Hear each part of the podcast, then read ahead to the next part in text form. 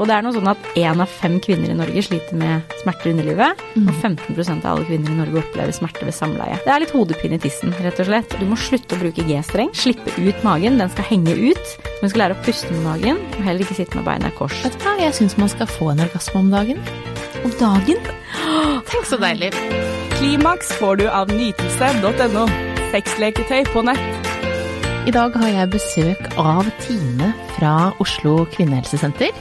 Velkommen. Tusen takk. Du, vi skal snakke om smerter eh, under sex. Og veldig, dette her med at folk eh, opplever smerter i underlivet, er jo så stort begrep. Så vi skal eh, gå litt dypere inn i det og, ta, og fjerne noen eh, Snakke om det fordi det er mye tabu rundt det. Men også ta og avkrefte noen myter og finne veien ut av det. Ja, For det er en vei ut av det. definitivt. Ja. Men kan vi ikke begynne med å snakke om hva de forskjellige tingene er? For det er jo så mange Man har jo hørt om eh, mange diagnoser, og de som opplever eh, smerter under sex, eh, de googler seg jo fram til mye. Ja. Vaginisme har man hørt om, vestibulitt, man har hørt om endometriose. Mange typer eh, diagnoser som man kanskje tenker at ok, da er det her meg. Hva er det det er for noen, de forskjellige tingene? Det er jo en litt sånn eh, underlivssmerte og underlivssmertediagnosene eh, har liksom kjært barn mange navn. Eh, dessverre. Det blir litt sånn forvirrende og vanskelig. Det Syns selv jeg noen ganger. Mm. kan skjønne hvordan pasienten opplever det. Og det, eh, I medisinske verden så er vi veldig glad i diagnoser. Det vil si at vi setter navn på et problem eller en sykdom. Og i, hvis man har vondt i en skulder f.eks., så er det ikke sånn at man veldig, Man kan det hvis man har fått utredet det, men det er veldig sjelden at en pasient kommer til oss og sier sånn Jeg har den diagnosen, og jeg tror jeg har den, jeg har googlet det, jeg tror jeg har det. Kommer ofte og sier at de har vondt når de gjør en bevegelse. De har litt vondt når de sitter oppe på PC, eller når de løfter et barn og begynte å få vondt i ryggen og sånn og sånn. Så det er lettere for oss å, som fagpersoner da å utrede de. Det er liksom vår jobb Ja. eh, sammen med pasienten da, å høre informasjonen de har. Og så kan vi gjøre en del tester og, og prøve å finne ut av hva som er problemet. Og så kan vi kanskje gi det et navn, da. Eh, F.eks. en frozen shoulder eller Ja. en annen ting. Så, eh, og i underlivssmerteverdenen så er det så dårlig informasjon. Eh, og i det medisinske og forklaringen rundt eh, altså problemstillingen da, eh, når man har vondt ved sex, eh, så syns jeg det er veldig, eller det er veldig dårlig, dårlig informasjon. Derfor så blir pasienten nødt til å selvdiagnostisere seg selv, ofte. Ja. Så da er kommer de til deg med en diagnose som Ja. de selv har funnet på Noen nett. har vært heldigvis hos flinke leger og gynekologer og fått utredet det og fått eh, riktig diagnose, eller fått eliminert andre diagnoser, som også er en veldig viktig del av det. Og så kommer de med helt riktig diagnose til meg. Det er jo en fin vei å gå. Mens andre har googlet seg, som du sier, eh, litt i hjel og funnet ting og sikkert 'jeg tror jeg har det', jeg er ganske sikker på at jeg har det, jeg har eliminert det, det er mulig at jeg har det. Og så må vi sette i gang prosessen med å finne ut av om det er det riktig. Mm. Og da har man jo igjen det kjært barn og mange navn. Eh, flere ting som du nevner. Vulvodyni, det er et ord som betyr og dekker Det er en samlebetegnelse på underlivssmerter hos kvinner. Ja. Så det, vulvodyni betyr at du har vondt i underlivet. Men det er en paraply, Mm. Så det betyr bare Du vet jo ikke hva er det som er problemet her, hvor har du vondt? Nei, hva kommer det fra? Hva kommer det av? Mm. Du vet bare at du har vondt i underlivet, og du er kvinne. Mm. Eh, og så har du to underdiagnoser, som er da vestibulitt og vaginisme. Og det er de to ordene som brukes mest, eh, og som er helt riktig. Eh, benevnelser ofte. Eh, vestibulitt, det betyr at nervene eh, til eh, underlivet og i bekkenbunnen er blitt altfor følsomme og sensitive. Eh, og de nervene går fra, kommer fra ryggen, og så går de i på innsiden av sittebensknuten, og så går de til endetarmen, inn mot skjeden eh, og mot klitoris og rinnrøret. Ja. Så da kan man ha liksom smerter langs forløpet til den nerven. Så det er det vestibulitt betyr, og da vil det jo selvfølgelig bli smerter ved å føre noe inn i kjeden, sitte, ikke sant, alle disse tingene. Og så er det vaginisme. Vaginisme betyr at du har stram bekkenbunnsmuskulatur. ja. Så da vil det føles veldig stramt og ubehagelig å få noe inn i skjeden, at du kan få kramper under livet. Så det er liksom mange ganger så kan man ha én av de, og mange ganger kan man ha en kombinasjon av det. ja. Det er det ofte, da. ja. Mm. Men eh, eh, hvor, hva kommer det de forskjellige tingene av?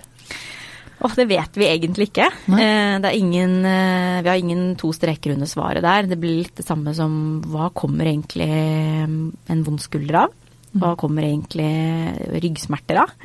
Det er jo veldig, veldig bredt begrep, men veldig viktig at man snakker om det. Eh, underlivssmerter blir nok litt mer eh, det, er, det er en veldig sånn interessant eh, ting å snakke om, fordi at eh, det er så sårt å ha vondt der. Fordi det dekker så mye, ikke sant. Sex og det liksom selvfølelse og, og begrenser så mye.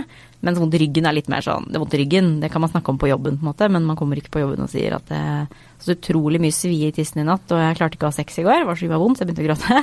Så det er liksom Det er så sårt, da, i forhold. Så men vi har, ingen, vi har ingen to streker under svaret. Vi vet egentlig ikke én grunn for det. Det er ingen medisinsk grunn til at man får vondt i underlivet. Eh, Hvis man ikke da har en soppinfeksjon eller en kjønnssykdom eller andre medisinske diagnoser, lichenplanus, planus, det er en del andre eh, som man bør få utredet først, da, for Ja. å sett om eh, man har. Ja. Men når man har utelukket det og sitter igjen med en sånn udefinerbar vulvodyni, da, Ja. da har man ikke noe to streker under svaret. Men vi har jo eh, eh, lært å, å kjenne pasientene godt, og vi, vi har jo eh, en antakelse om det. Så ja, vi har funnet ut en del f.eks. Eh, mye fordøyelsesplager. Det er en typisk ting som disse pasientene sliter med. Litt sånn IBS-problematikk. Eh, mye luftsmerter i magen gjør at man spenner seg veldig mye. ja. Eh, og mange jenter som trener veldig mye. De får en veldig høy tensjon i bekkenet og bekkenbunnen. De er veldig stramme. Mm.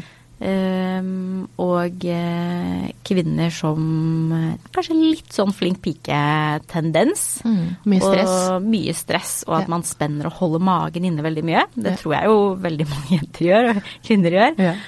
Eh, bare også for å føle at man ser litt tynnere og finere ut. At man har det som en dårlig vane. Mm. Og det at vi sitter såpass mye som vi gjør, fra veldig ung alder, det er litt sånn at vi setter oss ned kollektivt fra barneskolealder, egentlig, og blir sittende. Ja. Eh, samtidig som det er eh, mye stress og idrett i ung alder. Mange kvinner og jenter holder seg veldig mye når de skal på do. ja. Så det kan være noen ganger så enkelt som at vi har snakket med en dame som har eh, holdt seg og knipet for hun kanskje slitt litt med urinlekkasje etter fødsel, og så går hun og kniper og holder seg mye for hun syns det er ubehagelig. ja.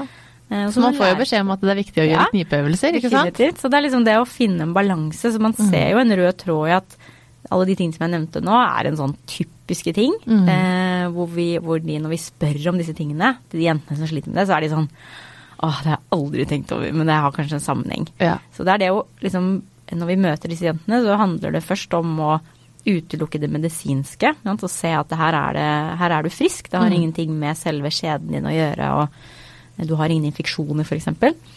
Eh, For da skal du ha medisinsk behandling. Mm. Og så er det det å kartlegge hva er det du gjør, og har gjort, de siste mange årene, Ja. som gjør at totalbelastningen i bekkenet ditt har blitt sånn som det har blitt nå. Blitt for mye. Blitt for mye. Mm. Ja, Det er samme som hodepine. Så Ja. det blir litt sånn Det er litt hodepine i tissen, rett og slett. Og det er fint å vite, for det Mm. betyr at dette er ikke farlig.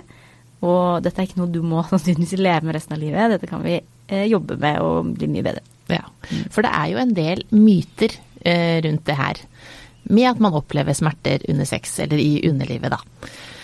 Eh, og det kan jo være alt fra at man har Alle som har, har opplevd overgrep, f.eks. Mm. Hva slags andre type myter finnes det?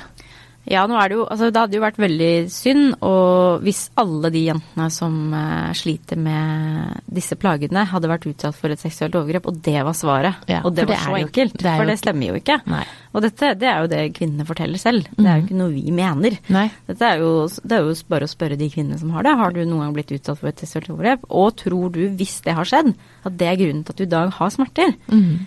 Dette er jo reflekterte, smarte, oppegående jenter som kan svare på det selv. Ja, for selv om man har opplevd overgrep, så bør man jo ikke nødvendigvis oppleve smerter i underlivet. Definitivt. Så, Så det er litt sånn rar, eh, rar Det er litt sånn trist myte òg, da. Ja. Eh, Jeg har hørt flere jenter som har sagt at de har vært hos f.eks. fastlege, gynekolog, og, og de kanskje avfeier litt fort med at ja, du har vel sannsynligvis blitt utsatt for overgrep. Mm.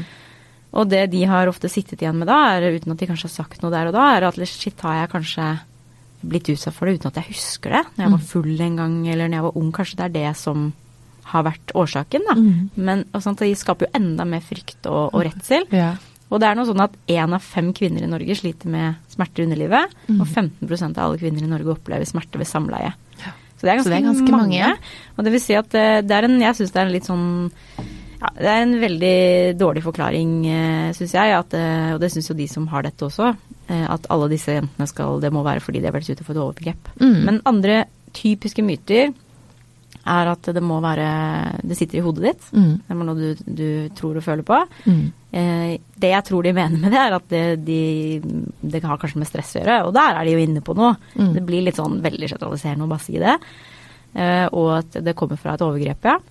Eh, at det kan være noe i forhold til prevensjonen din. Det har det blitt vist Det snakket man mye om for sånn 20 år siden. Snakket med en del gynekologer som har jobbet med dette veldig lenge, og, og det var liksom veldig fokus på det da. Og det er de i flere andre land, så er de fortsatt veldig opptatt av det at du må bare slutte på p-piller, det er hormoner som gjør at dette blir sånn. Og det stemmer ikke. Ehm, og en annen ting som mange av de høre, at sånn her er det bare. Du må bare leve med det. Det er ingenting man kan gjøre med det. Det er også helt tullete. Mm. Uh, myte og annet myte er at du kan ikke føde. Du kan dessverre ikke ha samleie igjen. Du må bare finne andre måter å ha sex på. Mm. Eh, og at du rett og slett ikke kan bli bra. Det er helt tullete. Det er helt, helt uenig i, og det ser vi jo hver eneste dag. Eh, så den må vi bare legge død, rett og slett. For hvordan er behandlingen når man, eh, når man f.eks. da har vaginisme? Eh, den er veldig forskjellig fra person til person. Ja. Men det handler hovedsakelig om eh, jeg vil si tre ting i ulike faser. Det første handler om å snakke med eh, jenten eller kvinnen som kommer, og prøve å synliggjøre og kartlegge hva som er årsaken til at kanskje hun har fått en veldig stram bekkenbunn. Mm. Og det kan være så mange forskjellige ting, men f.eks. dersom hun sliter mye med fordøyelsen, så er det kanskje det vi må ta tak i. Er det et største problemet hennes, eh, og hun kanskje ikke har sett sammenhengen i det, så vil det gjøre at hun spenner seg såpass mye og har vondt i magen, mye luft i magen, at hun går og holder inne hele tiden og spenner seg. Mm. Så da må vi jobbe med det. Og da jobber vi f.eks. med ernæringsfysiolog, som kan hjelpe, eh, hjelpe å kartlegge sånn at vi får mindre plager i magen. Mm. det gjør at hun må lære seg til å slappe av. Mm. Slippe ut magen. Den skal henge ut. Og hun skal lære å puste med magen, og heller ikke sitte med beina i kors. Sånn at vi optimaliserer forholdene Mm. mot underlivet. Så det første handler om nummer én er å kartlegge hva er det som gjør at akkurat du har disse plagene. Ja. Ikke hvorfor kvinner generelt har Nei. vondt i underlivet. Det er derfor Google også er litt skummel ja, der, det ikke er det, For det er litt generelt. seg Sånn. Ja. Og det er jo veldig fint. Google er fint for å få informasjon, finne hjelp, høre om hva andre jenter har opplevd, men man må ta det med en klype Sin salt, og historie. liksom- Ja, ta sin historie, og det er så individuelt. Mm. Og hvis det hadde vært en sykdom, dette hadde vært en sykdom, så kan man lese det, for da står det sånn hvis du har denne sykdommen, så skal du ha denne behandlingen. Mm. Det er veldig svart-hvitt. Yeah. Men dette er ikke en sykdom. Eh, noen sier sånn 'kom med noe til å bli frisk' og liksom Dette her, du er ikke syk. Du er helt frisk. Eh, men dette er et funksjonelt problem. Mm. Så steg én er å kartlegge hvorfor har du fått akkurat disse. Akkurat som vi ville gjort hvis du hadde hatt ryggsmerter. Mm. Hvorfor har du fått vondt i ryggen? Fordi det har veldig mye å si for hva vi gjør videre. Mm. Så det må vi ha svaret på først. Mm. Det er ikke alltid vi finner svaret, og noen ganger så er det veldig, veldig ofte så er det kombinasjon av ting. Så det er kanskje at ok, du sliter litt med fordøyelsen, og så har du en ekstremt stressende jobb, Mm. eksempel. Og det som preger deg veldig. Så da må vi se på de tingene. Hva kan vi gjøre for at det blir bedre? Hva kan vi fysisk også gjøre i hverdagen? Mm. Med trening f.eks., eller avspenning og yoga. Altså det er mange ting vi kan gjøre. Og så går man videre til det vi gjør som osteopater. Mm. Det er behandlingen. Og det trenger ikke pasienten. Der, der, er pasienten passiv, og vi er den aktive parten. Mm. Eh, Så da går vi inn og undersøker og kjenner på bekkenet. Eh, Så vi kjenner på magen, vi kjenner på alle strukturene som går ned i bekkenet fra magen. Og så kjenner vi på hofter, kjenner på hele bekken, altså alle bekkenleddene, pubisbenet som er foran, og de bakre bekkenleddene helt nederst i ryggen. Det er viktig at, vi liksom, at hele bekkenet fungerer sånn som det skal gjøre. Mm. Og så går vi og kjenner på hele underlivet. Så pasienten har på seg undertøy, så ligger de på siden, og så kjenner vi fra sittebensknuten og på innsiden av sittebensknuten. Helt foran til ha, nei, bak til halebeinet mm. og helt foran til pubisbenet. For der har du jo hele den hengekøya, som er alle de musklene som danner underlivet vårt. Mm. Og så har du tre hull i midten. Ja, urinrøret helt foran. Og så har du kjeden i midten og endetarmen bak. Mm. Og de organene er ikke vi så interessert i. For de har jo pasienten sannsynligvis fått sjekket hos gynekolog at her er ståa bra. Mm. Ja, du har vondt inni der, Men ståa er bra. Det er ikke noe medisinsk galt med deg. Du er helt fin der. Men du opplever smerter der. Samme som det er ikke noe gærent med hodet og hjernen din når du har vondt i hodet. Nei. Men det er et problem kanskje i nakken din Mm. som vi må jobbe med, sånn at nervene som går opp i hodet, har det fint. Slapper av. Som de slapper av. Mm. Så da kjenner vi og undersøker alle disse strukturene, og nervene som går til underlivet er veldig lett å kjenne på. Så vi kan gå inn og teste nerven, Mhm. og så trekker vi litt i den. Vi gjør en sånn, vi kaller en traksjonstest. Og så tøyer vi på nerven, så holder vi, og så spør vi pasienten hvordan kjennes det. Og så sier de ei, fy fader, der kjenner jeg den svien som jeg kjenner når jeg har sex. Mhm. Og når jeg, jeg holder jo helt på utsiden, men de sier nå kjenner jeg det inn i tissen. Det er akkurat som du kjenner inn i tissen min. Mm. Sånn at det er en ledning sant, som går fra ryggen, så går den gjennom musklene, og så går den inn i tissen. Og da kan jeg teste den ledningen. Det blir som å tråkke på en vannledning hvis du vanner bedet. Ja. En hageslange. Og så står jeg og tråkker her borte, og så ser du at det kommer ikke vann ut på andre siden. Mm. Så det blir litt sånn. Ja. Og da får vi en positiv test på at liksom, okay, den nerven der er altfor sensitiv. Mm. Ikke sant? Ergo vestibulitt. Ja. Og så kan vi kjenne på elastisiteten til muskulaturen. Akkurat som vi gjort på en legg hvis du hadde hatt beinhinnebetennelse. Mm. Så det er altfor tight i leggen, så det blir et drag i beinhinna. Og den blir altfor stram og overfølsom. Du får smerten når du løper. Mm. Da gjør vi samme, vi kjenner på elastisiteten og tester. Og det er det vi blir flinke til som terapeuter. Mm. Det er å kjenne, det er akkurat som en blind person som lærer seg å lese blindeskrift. De blir helt rå på det vi kaller palpasjon. Mm. Det er ofte den føleligheten i fingrene. Mm. Så det er det som er vårt viktigste verktøy. Det er å ha kunnskap om eh, anatomien og fysiologien og nevrologien i kropp og menneskekroppen. Og så er det det å bruke det til å kjenne med å være liksom, ha øynene og hjernen i hendene våre, og kjenne hvordan vevet er. Mm. Og da kan man kartlegge og diagnostisere ganske mye, men igjen, det blir veldig individuelt. Og når vi har gjort det og funnet hva er det vi skal jobbe med her, er det tydelige funn eller ikke, så går vi videre til hva skal planen være videre nå. Så det er steg tre.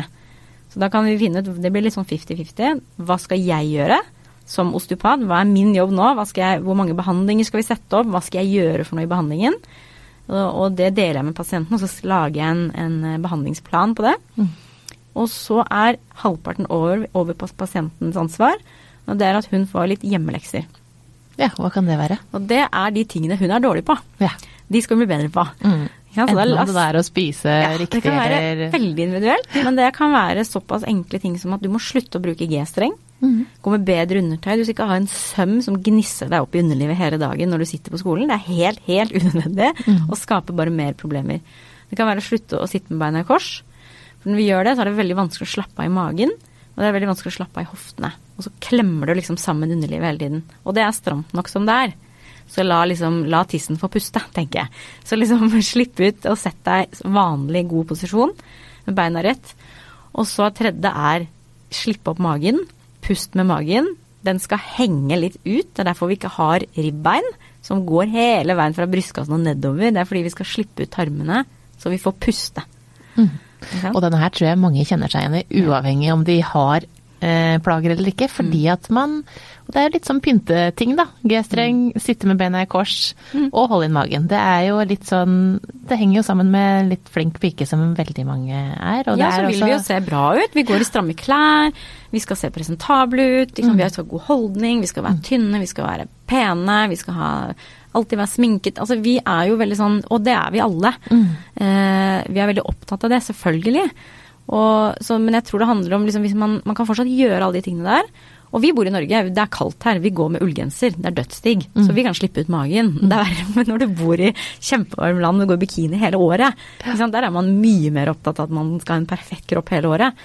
Så vi kan jo faktisk eh, kneppe opp knappen på jobben og ha på seg en god genser og slippe ut magen og puste. Mm. Og så kan man heller de gangene du går på stranden de to månedene det er litt semivarmt i Norge, og du skal gå i kjole på um, julebord, da kan du godt holde inn magen og Ja. se fin og fresh ut. Men, men liksom det handler om hva du gjør hver dag. Mm. Samme hvis du skal gå ned i vekt, eh, f.eks. Så er det sånn, ja, men er det farlig hvis jeg spiser en Snickers hver dag? Så er det sånn, ja, det er kanskje ikke det beste du kan gjøre hvis du skal ned i vekt. Mhm. Men er det sånn, ok, men går det bra hvis jeg spiser Snickers en gang i måneden? Ja, det går vel sikkert kjempefint. Mm. Så det er litt det samme, at du trenger ikke å være perfekt og gjøre de riktige tingene hele tiden. Du skal heller ikke gjøre de dumme tingene hver dag. Så det er viktigere, mange sier sånn, ja, men kan jeg gå på yoga i uka?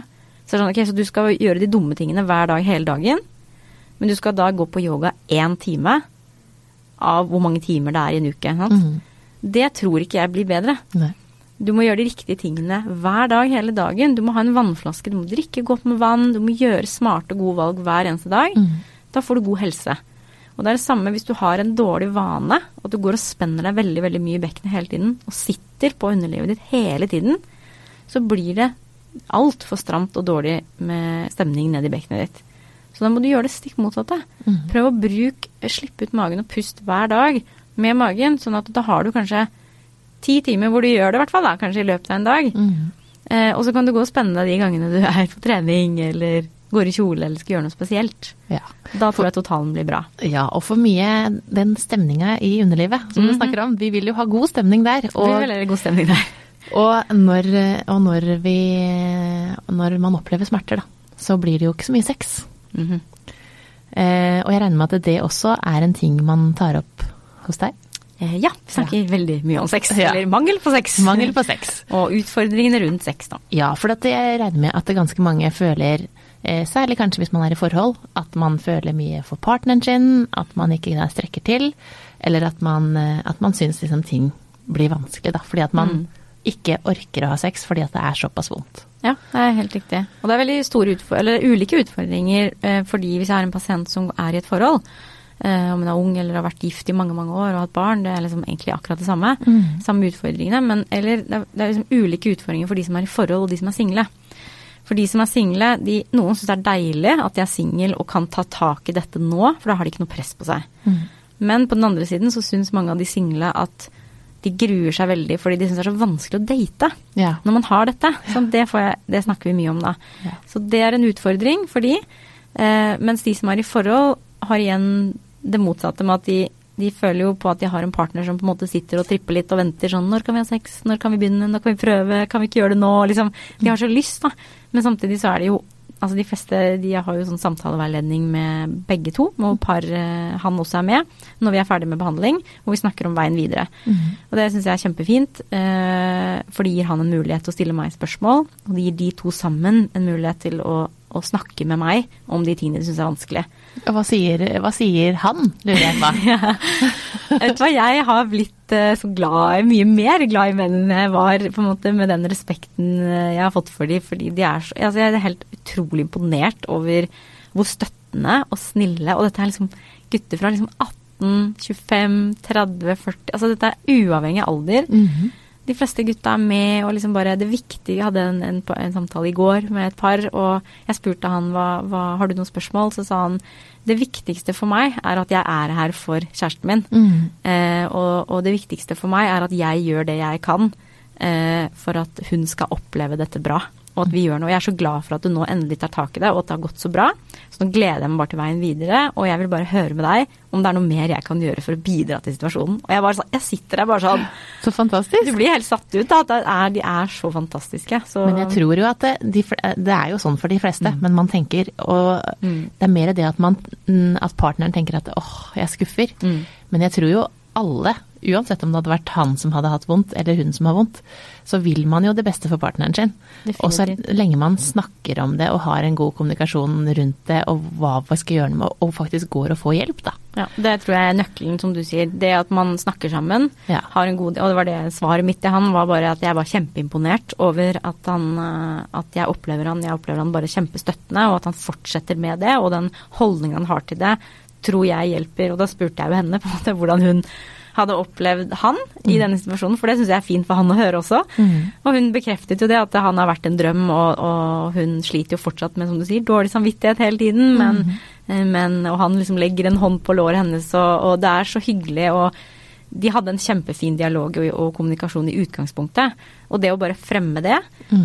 eh, og, og så kan man begynne å gi råd. Og da går vi litt over til ditt fagfelt. Det med, og der er det, det er der kanskje jeg føler at jeg ikke strekker til, og som jeg syns var så gøy med at vi skulle snakke sammen i dag, mm. er jo det at det, det, liksom alt veien hit eh, føler jeg at jeg håndterer veldig godt. Mm. Og så har vi den samtalen hvor fokuset er å lufte ting, prate om ting, og, og skape også en motivasjon For for, veien for videre. veien videre. Ja. Men så kjenner jo jeg ofte på at min, eh, min eh, både private og faglige kompetanse stopper. Mm. Eh, fordi at eh, disse ja, det er Noen er veldig, gruer seg veldig til å begynne å ha sex igjen, mens andre gleder seg kjempemye og er litt sånn masete nesten på liksom, når, kan vi, når kan vi prøve, tror du det er bra nå, tror du det er bra nå. Eh, og de er det jo litt enklere på én måte å forholde seg til, men på en annen måte så må jeg holde de veldig igjen nå. Ja. Fordi de bare kjører på bare 'nå skal vi hjem og ha, og ha samleie'. Og det er litt dumt, for at de hopper liksom så innmari i det. Ja. Så noen ganger må jeg holde litt igjen på de, og så må vi lage regler på liksom ok, det er lurt å starte med f.eks. alt som er på utsiden. ja. For å gå innvendig, innvendig bør man jo ikke starte. Nei. Så Og det er også regel fordi at nummer én, da. Man spenner seg jo kjapt igjen og kom, er fortere å gå tilbake til der Ja. man var, da. Ja, for når jeg begynte å jobbe med dette her eh, for en del år siden, så, så var det Hadde jeg ikke så mye fokus på de tingene etterpå, for det er jo litt utenfor min jobb. Eh, så, så da, og da, da var det litt sånn der man må vite sine begrensninger òg, ikke sant. Og, og det er ikke alt jeg da føler meg eh, faglig flink nok til å snakke om. Så da har jeg hen, vi har en, sam, vi har en, eh, en sexolog som vi henviser mye til. Og, og da har, måte, har jeg følt at det har vært en fin sånn Hvis dere ønsker som par, eller du som enkeltperson, å snakke med henne, så vil jeg anbefale deg det. Men, men jeg har også skjønt at jeg sitter jo inne med en del kompetanse som ikke nødvendigvis er noe som jeg trenger å gå på en skole for å lære. Men dette handler om at jeg lærer veldig mye av pasientene mine. Ja, jo hva de, hva de opplever. Så at jeg kan videreformidle det. Så det er det jeg pleier å si nå, da. At eh, det jeg har lært av mine pasienter, er at de erfarer at de stillingene f.eks. funker best. Eh, Det er ikke så lurt å starte med samleie eller fingre inn i kjeden. Eh, Det er lurt å vaske, at han vasker seg på hendene, og du vasker deg på hendene. Hvis dere skal bruke fingre, fordi vi er, alltid, vi er naturlig salte på hendene, og det kan svi ganske mye hvis han utenlandske hendene berører på innsiden av, eh, av kjønnsleppene mot slimhinnene. Så det å vaske seg på hendene, sånne småting, eh, glidemiddel f.eks., alltid bruke glidemiddel, det gjør at det blir bare mindre friksjon, mindre irritasjon, og det, føler, det er mye lettere for henne å slappe av. Og det er det som er hovedfokuset. Er Og det er egentlig uavhengig av om man har smerter også. Viktighet med glidemiddel. Fordi at man kan få rifter og det er ikke nødvendig altså det, det man misforstår litt, er at man tenker at hvis man er kåt, så er man våt. Ja. Eh, og det er ikke alltid tilfellet. Man kan være kjempekåt, men ikke bli så veldig våt. Eh, og man kan være veldig våt og ikke være så veldig kåt. Ja, og så har jeg de kvinnene som har gått gjennom overgangsalder. Ja, er jo ja, det ja. også ikke minst viktig for. Og det er i forskjellige perioder, og det er mye som spiller inn med om man, hvor våt man blir, eller om man blir våt i det hele tatt. Så glidemiddel er et must i alle hjem, uansett. Mm. Og selv om er man bra er singel, eh, så, så bruk glidemiddel når man onanerer og, og berører seg selv. Mm. For det er eh, mye viktigere enn man tror. Men det er jo, eh, som du sier, en vei ut av det her. Mm. Og, og når man skal til, tilbake til det å, å ha eh, sex igjen, Mm. da. Eh, hva er man Hva er det som anbefales, annet enn at man ikke man bare skal være utvendig, på en måte? At, eh, hva er det man oftest For jeg vet at man kan få et sånn dilatorsett. Ja, det har vært eh, spesielt blant fysioterapeuter. Det er veldig mange fysioterapeuter som er flinke på underliv eh, og bekkenbunn og bekkenbunnstrening. Og det kan være i form av smerter, og det kan også være i form av veldig mye fokus rundt etter fødsel. Ja, da er det jo mye fokus på underlivet. Eh, så det er eh, fins mange, mange ting man kan gjøre med det. Men eh, hvis man ser bort ifra det fødsels, eh, fødselsbiten, da, hvor det er mer sånn Der kan man ha alt fra elektrodestimulering, man kan teste knipeevne eh, og jobbe med knipeøvelser. Men det er jo ofte litt det motsatte problemet, er at bekkenbunnen har blitt litt slapp, og, og man har litt eh, dårlig kontakt med bekkenbunnen, og da må den trenes opp.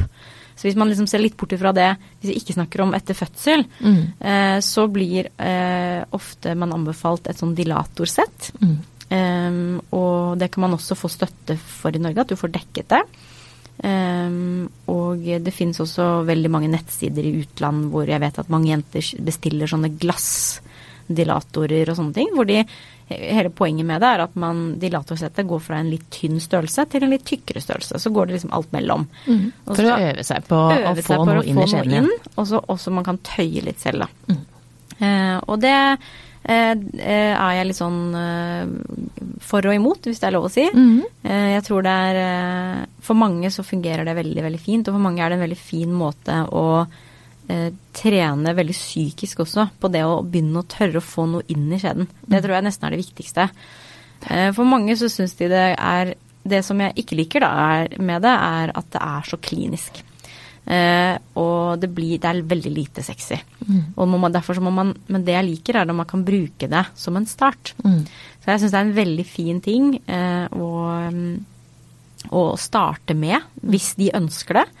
Eh, og begynne å mm, for seg selv alene uten partner. Begynne å trene dersom de er veldig redd for å få noe inn i skjeden. Så syns jeg det er en kjempefin, et kjempefint verktøy. Og da starter de med en lille, og det er en veldig sånn motivasjon også, og en boost å se at jøss, yes, fy fader, når jeg prøvde for to måneder siden, så fikk jeg ikke til i det hele tatt, og nå er jeg på den nest største. Og det gir de jo en veldig trygghet og selvtillit til at eh, fy fader, kanskje det går med en penis en gang, ikke sant, og det var helt utenkelig for en stund tilbake. Så på den måten syns jeg det er et kjempefint verktøy. Men det stopper litt opp der, fordi at selv om når de, når de kommer til den største, da, så er de veldig gira på det. Og, og da, men det, ikke, det, har jo ingenting med lyst å gjøre. Det har ingenting med selvfølelse på den måten, sånn, og sex å gjøre, og berøring og nærhet og alle de tingene som, som handler om en partner. Mm. Og det er jo der du kommer inn, Maria. Fordi Ja. det er det jeg savner, da. Er liksom, det stopper opp der. Og når jeg får spørsmål hva gjør vi videre nå, for nå, det er jo en vei å gå. Mm. Sånn, vi starter når de kommer til oss, og så må vi ende opp med kjempebra, fin sex, er liksom målet. Ja. Og da tenker jeg at du kommer inn i bildet. For der savner jeg noe. Hva gjør de da? Ja, nemlig. Vet du hva, jeg ville faktisk kommet dit nesten før de Dilato-settet. Ja. Fordi at eh, for å Jeg skjønner at det, den der med at nå får jeg det til, eh, er en motivasjon. Men jeg tenker at det, eh, man vil jo gjerne ha lyst. Sexlyst forsvinner jo etter hvert. Sexlyst er sånn Har man mye sex, så får man mer sexlyst. Har man lite sex, får man mindre sexlyst. Så eh, man trenger ofte en sånn eh, eh, sensitivitetsøvelse. Ta på, ta på hverandre eh, bare ki eh, først, egentlig helt alene. At man lærer kroppen sin å kjenne på nytt. Eh, veldig mange, uavhengig om man er vondt eller ikke, er ikke godt nok kjent med sin egen kropp. Og vi trenger å bli kjent med kroppen vår, både hvilke erogene soner vi har, og hva som er en erogen sone for én, bør bør ikke virke for en annen. Noen er veldig sensitive på brystvortene, noen kjenner ingenting.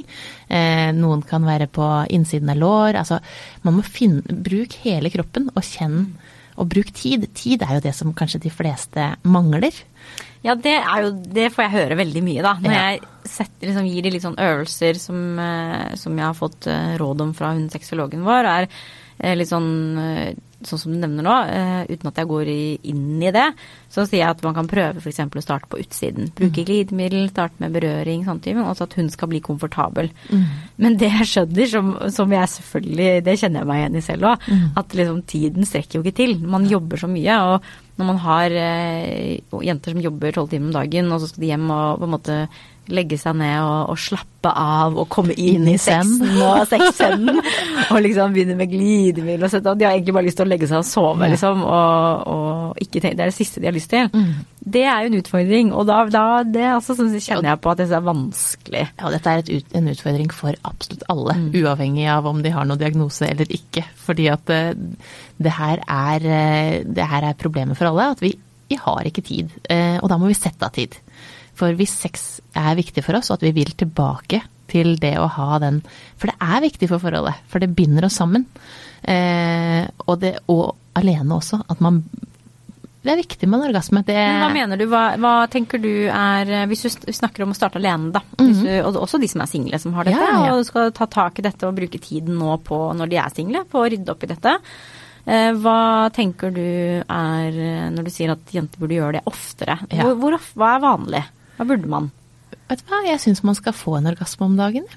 Om dagen? Tenk så deilig. Vet du hva, De som har såpass mye stress og, og eh, spenninger også. En, spenninger blir helt det blir u, Vi klarer å slappe av mye Ja. mer med en orgasme. Men si da, ok, vi bør ikke begynne om en om dagen, men dit skal vi, da. Hvis Ja, men det er et mål. okay. Målet er Hvis målet er en en om dagen. En orgasme om dagen. Eh, så eh, Jeg tror mange bare ville tenke at det er Urealistisk. ganske urealistisk og heftig, da. Det tenker jeg. Men her er målet. Her er målet. er målet. Ok, bra. Og på veien dit så skal vi lære oss eh, å kjenne. Og det er veldig viktig eh, at vi alle sammen har tre forskjellige teknikker som kan ta oss til orgasme. Og da mener jeg at vi varierer eh, F.eks. bruk fingrene, men varier trykket, varier tempoet. Eh, bruk gjerne en kilefjær en gang, og jeg skjønner at hvis man har mye lite tid, at dette her høres veldig sånn Det her blir veldig fort med den fjæra. og det kjenner ingenting, så jeg dropper det. Men, men det, men det må Men det kan man kanskje tid. gjøre når man skal på en koselig hyttetur, eller på spahelg, eller på Ja. ferie til utlandet. Da kan man kanskje gjøre sånne ting. Eller? Ja, man må, men man må faktisk Sex må inn på timeplanen, og Mm. den kan puttes inn på timeplanen i kalenderen sin. Sånn at det, nå skal Nå er det. Fordi at det, for at vi skal ha lyst, så må vi også liksom sette av den tiden. Og det er Det bør ikke være det at man har vondt som er et problem. Altså det kan være Det er barn i alle aldre, det er eh, jobb, det er skole, det er eksamener, det er stress. Sånn at det, eh, vi må putte det inn, da. På Så er det jo et veldig godt poeng det du sier. Så du mener at det er jo Hvis man går en ond sirkel, og det er alltid stress, det vil alltid være et eller Ja, annet. det vil alltid og så vil man ikke ha sex fordi man er i mye stress. Ja. Men hvis man hadde bare satt av tid, samme som man setter av tid til å trene, eller man setter av tid til å se på serier Mhm. eh, Eller liksom skrolle på, på telefonen, som vi gjør. Så kan man sette av en halvtime, time, Ja. en kveld til å gjøre det. Det vil kanskje gi mindre stress, at man er mer avslappet og Du får mer lyst. Så er man inne i en god sirkel. Jeg tror mange havner jo i det kanskje fordi det er så lett at man man havner i den tralten. Ja, Samme som når man slutter man. å trene, så er det veldig vanskelig å begynne igjen. Ja. Så bare glemmer man det, og så går man i det samme. Men når man begynner igjen da, å ha sex eller å trene, så tenker man herregud, hvorfor har vi ikke gjort Ja. det her mer? Eller det her er jo så deilig. Jeg, Det her burde vi jo gjort. Hvorfor gjør vi ikke det? Altså gjennomsnittlig så har par eh, sex 1,2 ganger i måneden, tror jeg det er nå. 1,2 ganger i måneden. Og det Man Ja. tror at alle andre har sex Ja. veldig mye. Men uavhengig om det, da. Det kan jo være i forskjellige perioder at noen ganger har man mye, noen ganger har man lite. Er det tidlig i forholdet, er det rundt fødsel, så er det jo ingenting. Mm. Eller andre plager, da. Eh, eller stressfaktorer som spiller inn. Men bruk litt tid alene også, uavhengig om det er i forhold eller ikke.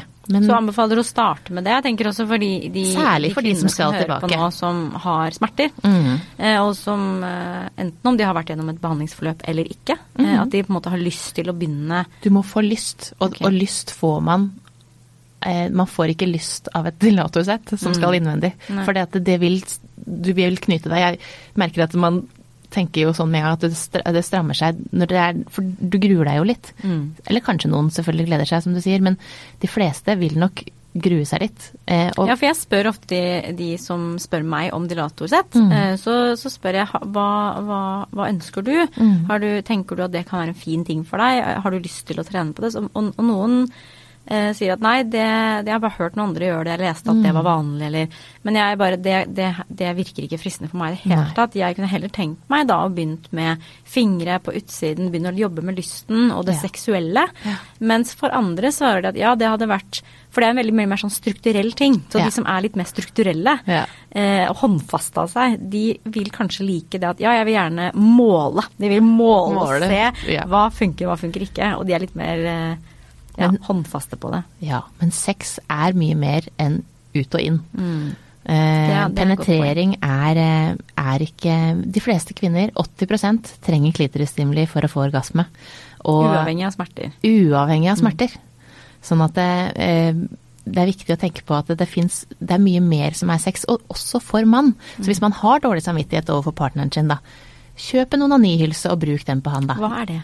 Ikke sant? Der er det Det er jo som en Altså, den, den eh, Det er en slags liten eh, Hva skal man si? En hette. hva Har du kalt For- en onanihylse? Hylse. En spinner heter det f.eks. Det er et av merkene som er. Okay. Eh, som er en Det kjennes ut som en, eh, en vagina for mannen, så vil det kjennes ut som det.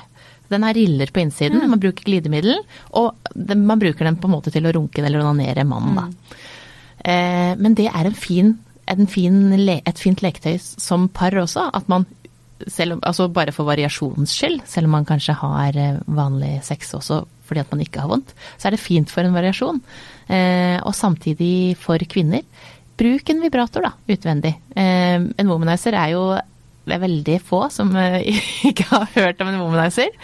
Altså, Hva det- er en womanizer? En kan vi ta womanizer- det for de som ikke For de som ikke har hørt om en De få som ikke har hørt om det. De, vet du hva, det er en pulsator. Eh, de fleste har hørt om vibrator, men det er en pulsator som stimulerer alle 8000 nervetrådene i klitoris samtidig. Ja, for det er viktig å påpeke. Det er faktisk 8000 Nervetråder nervetråder som går til klitoris. Ja. Det, det fins ingen kult. andre som har den. Og den Og i penishodet så er det 4000 totalt på hele området. Nå tenker jeg hvor liten klitorishode. Det er ganske kult. Og klitoris er den eneste som bare er laget for nytelse. Ja. Nemlig. Så vi er veldig heldige, vi damer der. Men den trenger, den trenger litt mer enn penis. Så hva er forskjell på en vibrator og hva du kalte den? Dette her er, womanizer er en pulsator, så den gir, den gir trykkbølger da, eh, til, eh, til klitoris. Så Eh, vibrator, den vibrerer Den bare? vibrerer bare, mens en pulsator den sutter på en måte litt. Dette er en liten sånn hette eh, som man putter på klitoris. Eh, og så er det forskjellige nivåer. Noen, noen vil ha det minste nivået, som at den bare er på en måte litt, og så er det helt opp til eh, maks. Full guffe. Full guffe. Fordi jeg kan se for meg at eh, mange av de pasientene som jeg har som sliter med smerter, Mm. at steg én, uavhengig hvis vi legger liksom dilatorsettet bort, for det er jo litt mer sånn klinisk, mm. eh, om de har prøvd det eller brukt det eller ikke, tenker jeg sånn ok, steg etter det eller uavhengig av det, Mm. er da hva kan man eh, Jeg tror mange av de jentene som har hatt mye vondt over lang tid, kan fort bli skremt av når man begynner å snakke om Leketøy. dildo, leketøy, vibrator, Mm. alle disse tingene. fordi at eh, det, det er uavhengig av erfaring, da. Noen har jo Mm. kanskje erfaring med det, så de er ikke så redd for det. Men hvis de har, om det har det eller ikke, så tenker jeg når de har smerter, Mm. så kan jeg skjønne at det er skremmende. Ja.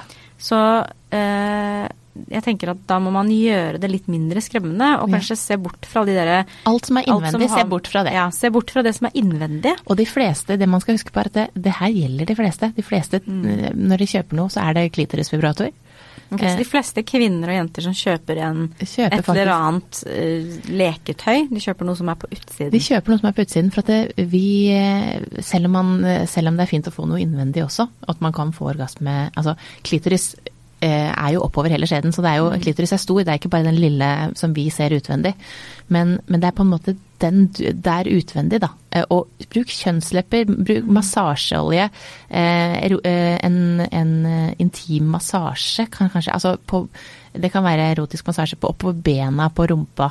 Altså ikke er fokuser så nærme. Ikke, ikke, Ja. ikke alt, alt må ikke inn. Og jeg tror også at det, sånn som du sier, da, det fins veldig mange gode partnere der ute. Så det, de fleste vil også at det skal bli bra. Og ikke senk de forventningene rundt at det nå skal, at det skal avsluttes da, med at man penetrerer. Ja, for jeg tenker at man kan legge bort det. Penetrasjon. Når vi snakker om de som har vondt, så tenker jeg uansett hvor du er i smerteforløpet ditt, om du på en måte har hatt vondt kjempelenge, ikke vært hos en terapeut eller gått i behandling eller noen ting, men du har vondt, så, så For det er ulempen for de som har smerter daglig. Nå snakker vi jo vi om Mm. de som har smerter ved samleie, og de har jo ikke vondt når de bare går rundt i hverdagen sin. Nei. Men det er veldig veldig mange som har mye smerter hele tiden. Mm. Og for dem er det mye større terskel å begynne å berøre der nede. Det er det siste de vil. Det svir når de tisser, det brenner og svir i hverdagen. At pasienter som ligger med isposer eh, på kvelden eh, i underlivet. De må ikke ha kalde dusjer. Mm. Alt det brenner og svir når de irriterer deg etter å ha vært på løpetur, når de har sittet lenge på skolen eller på jobb. Sånne type ting. Så for dem er det det der. siste. De er ikke Mm. der. Så derfor så det, handler det om Men de kan jo kanskje, som du sier, bruke kroppen. Bruk resten av kroppen. resten av kroppen, gjøre andre ting. Og liksom nærhet handler om om. så mye mer, da. Du kan gi en massasje, en skuldermassasje. Mm. Har du vondt hele tiden, så kan du Du kan kysse på halsen. Du kan andre ting som gjør at man partnere kommer nærmere hverandre. Og så må man bruke den tiden det tar, for det tar jo tid. Det er jo ikke Mm. sånn at det, eh, man er kvitt plagene sine. Jeg tror mange tenker at det er et ork. Altså når de har, når de har alt som er relatert til underlivet, alt som er relatert til sex, er negativt, Mm. så blir bare alt dritt. Mm. Og det er et ork. Og det å da liksom motivere seg til å liksom Ok, Gustav. Gustav, nå legger vi oss klokka ni. Mm. Så skal vi stryke og kose, fordi dette er veien mot målet. Og vet du hva, alle dag. kjenner seg igjen i det her. Ja. Så det er det jeg tror, det er det jeg hører, da. At Ja. det er liksom det, det kan jeg også skjønne må være veldig slitsomt, men jeg tror kanskje Men vet du hva, hvis vi tar bort forventning Ja, man må bare hoppe Mm, i det. hoppe i det. Det er som med trening. Altså, du kan sitte, og det er deilig å spise sjokolade hver dag. Mm. Og det er jo det. Eh, Og det, vi kan kose oss og kose oss og kose oss, og så kan vi begynne Ja, vi skal begynne på mandag. Ja, vi skal begynne. Nei, til mandag. Da skal vi begynne. Og så neste mandag. Mm. Men vet du hva? Jeg tror at man skal bare bestemme seg for at det her er noe vi skal eh, gjøre noe med. Og, og ikke fokusere på det som er innvendig når man har smerter, men fokusere på berøring og nærhet, og senk Mm. Det er veldig viktig også at mannen eh, forteller at vet du hva, jeg har ikke noen forventning om det, jeg vil at du skal bli bra. At han også er med på laget på det her, og ikke blir ivrig og maser. For det er fort gjort at man blir litt revet Ja, med og er tenker sant. at, det, at det nå, nå blir det noe. Men vet du hva, ta bort de forventningene, og plutselig kanskje det blir noe, da. For at det, man har blitt såpass tent og Så gutta må høre den podkasten her, rett og slett. Altså, dette er Den ikke bare for de som har vondt, dette er felles Dette prosjekt. er jo et eh, Sex er jo et felles prosjekt. Så hvis man skal ha sex med noen, så er det et felles prosjekt. Og da er det viktig at det, menn også opplever, menn også opplever eh, sykdom og problemer i underlivet, sånn at de bør Ja, vi har flere menn hos oss faktisk, med, Ja. med typ som prostatitt og smerter ute i testikler, penis, Ja. underlivet når de sitter. Så det er, det er, det er ikke bare er- kvinnegreier. Nei. Sånn at det, det er veldig viktig at man At den partneren til den som opplever eh, smerte, er eh, Klarer å liksom godta at det er sånn, og er forståelsesfull og vil være med å hjelpe. Ok, så regel nummer én, Mm. rigge soverommet for kjærleik og hygge. Ja. Ikke ha forstyrrende elementer som TV, telefon, eh, nettbrett kanskje, Mm. Mac, sånne ting. Mhm. Og det andre er ikke sammenligne med trening, Mm. som du sier. Hopp i det. Hopp i det, ikke tenk at du skal gjøre det til uka. Og det blir jo ikke bedre. Vi har alltid forstyrrende elementer i ulike deler Mm. Vi, har av livet. vi finner, jo, vi finner jo unnskyldninger oppi hodet for at det er best at vi venter. Ja, det Og så tar vi oss en poeng, sjokolade på jeg. eh, Ja. til. Men man kan spise sjokolade. Kanskje man skal ha sånn sjokoladesex, og det kan være ikke sant? Det er Bruk gøy. smelt sjokolade og drypp det utover hverandre. spis mer sjokolade, Spis men ha mer sex. Ja. Det er en greie. Ok, så det å bare ikke utsette, men ikke ha unnskyldninger. Sammenligne litt med trening, som Mm. sier, og, og, og tenk at uh, du kan begynne i dag, sette av tid på kvelden. Dropp kanskje å se på serie, Mm. men sette av tid til å og, og regel nummer tre, hold deg unna inn i kjeden. Mm. Hold deg på utsiden. Gjør start på utsiden, og jobb deg rundt i området. Gjør det sensuelt og seksuelt, og fokuser på lyst. Og mitt råd som osteopat er da å fokusere på avspenning. Fordi disse jentene som har dette, er så spent. De har så høy spenning i mage, lår, sete og bekken. Og orgasme vil hjelpe til å få disse Ja, musklene til å veldig, veldig slappe av. godt poeng. Man får Altså- god blodsirkulasjon til underlivet når man blir tent, og når man får en orgasme, og man klarer å slappe bedre av. Så kanskje, ja, og det er målet ditt, som du sa, selvfølgelig. En som er eh, Jeg syns det er veldig ambisiøst, men, eh, men alle, alt for sin smak. Men én orgasme om dagen Og er fall målet. så altså, ta ditt eget utgangspunkt, da. Mm. Det gjelder jo i alle. Hva har jeg nå, og hvor vil jeg? Du, må sette, du må sette ditt eget mål. Ja, For det er jo litt forskjell med en jente på 18 Ja. som går på videregående, og en eh, utslitt tobarnsmor Ja. eh, på 38. Helt de, klart. de to casene vil jo være veldig, veldig forskjellige. Ja. Mm. Men eh, sett deg et mål, og eh, det kommer, til å, det kommer til å nå dit. Og det kommer til å bli god stemning i Ja. Og det er det som er fint å fokusere på, da, og det, og det er jeg glad Og det føler jeg vi gjør nå. Fokusere på det som er Smerter er kjipt, og de som er i disse situasjonene og opplever dette, syns det er vanskelig. Det er mye som er vanskelig, og da det å klare å snu det etter hvert til noe positivt, Mm. og til å fokusere på men dette blir gøy, det tenker jeg, det snakker jeg mye med pasientene min om etterpå også, er dette blir jo spennende. Dette Ja. blir jo litt kult, fordi nå når det blir bedre, så kan dere begynne å utforske sexlivet, og dere får jo et rikere sexliv. Det blir veldig gøy. Helt klart, og de blir jo flinkere til å kommunisere om sex. Og det er det mange par som ikke er, selv om de har sex ofte. Mm. Så de får faktisk et fortrinn. Så Kult. det er bare å hive seg ut i det. Veldig, veldig bra. Takk for at du kom. Tusen takk for at jeg fikk komme.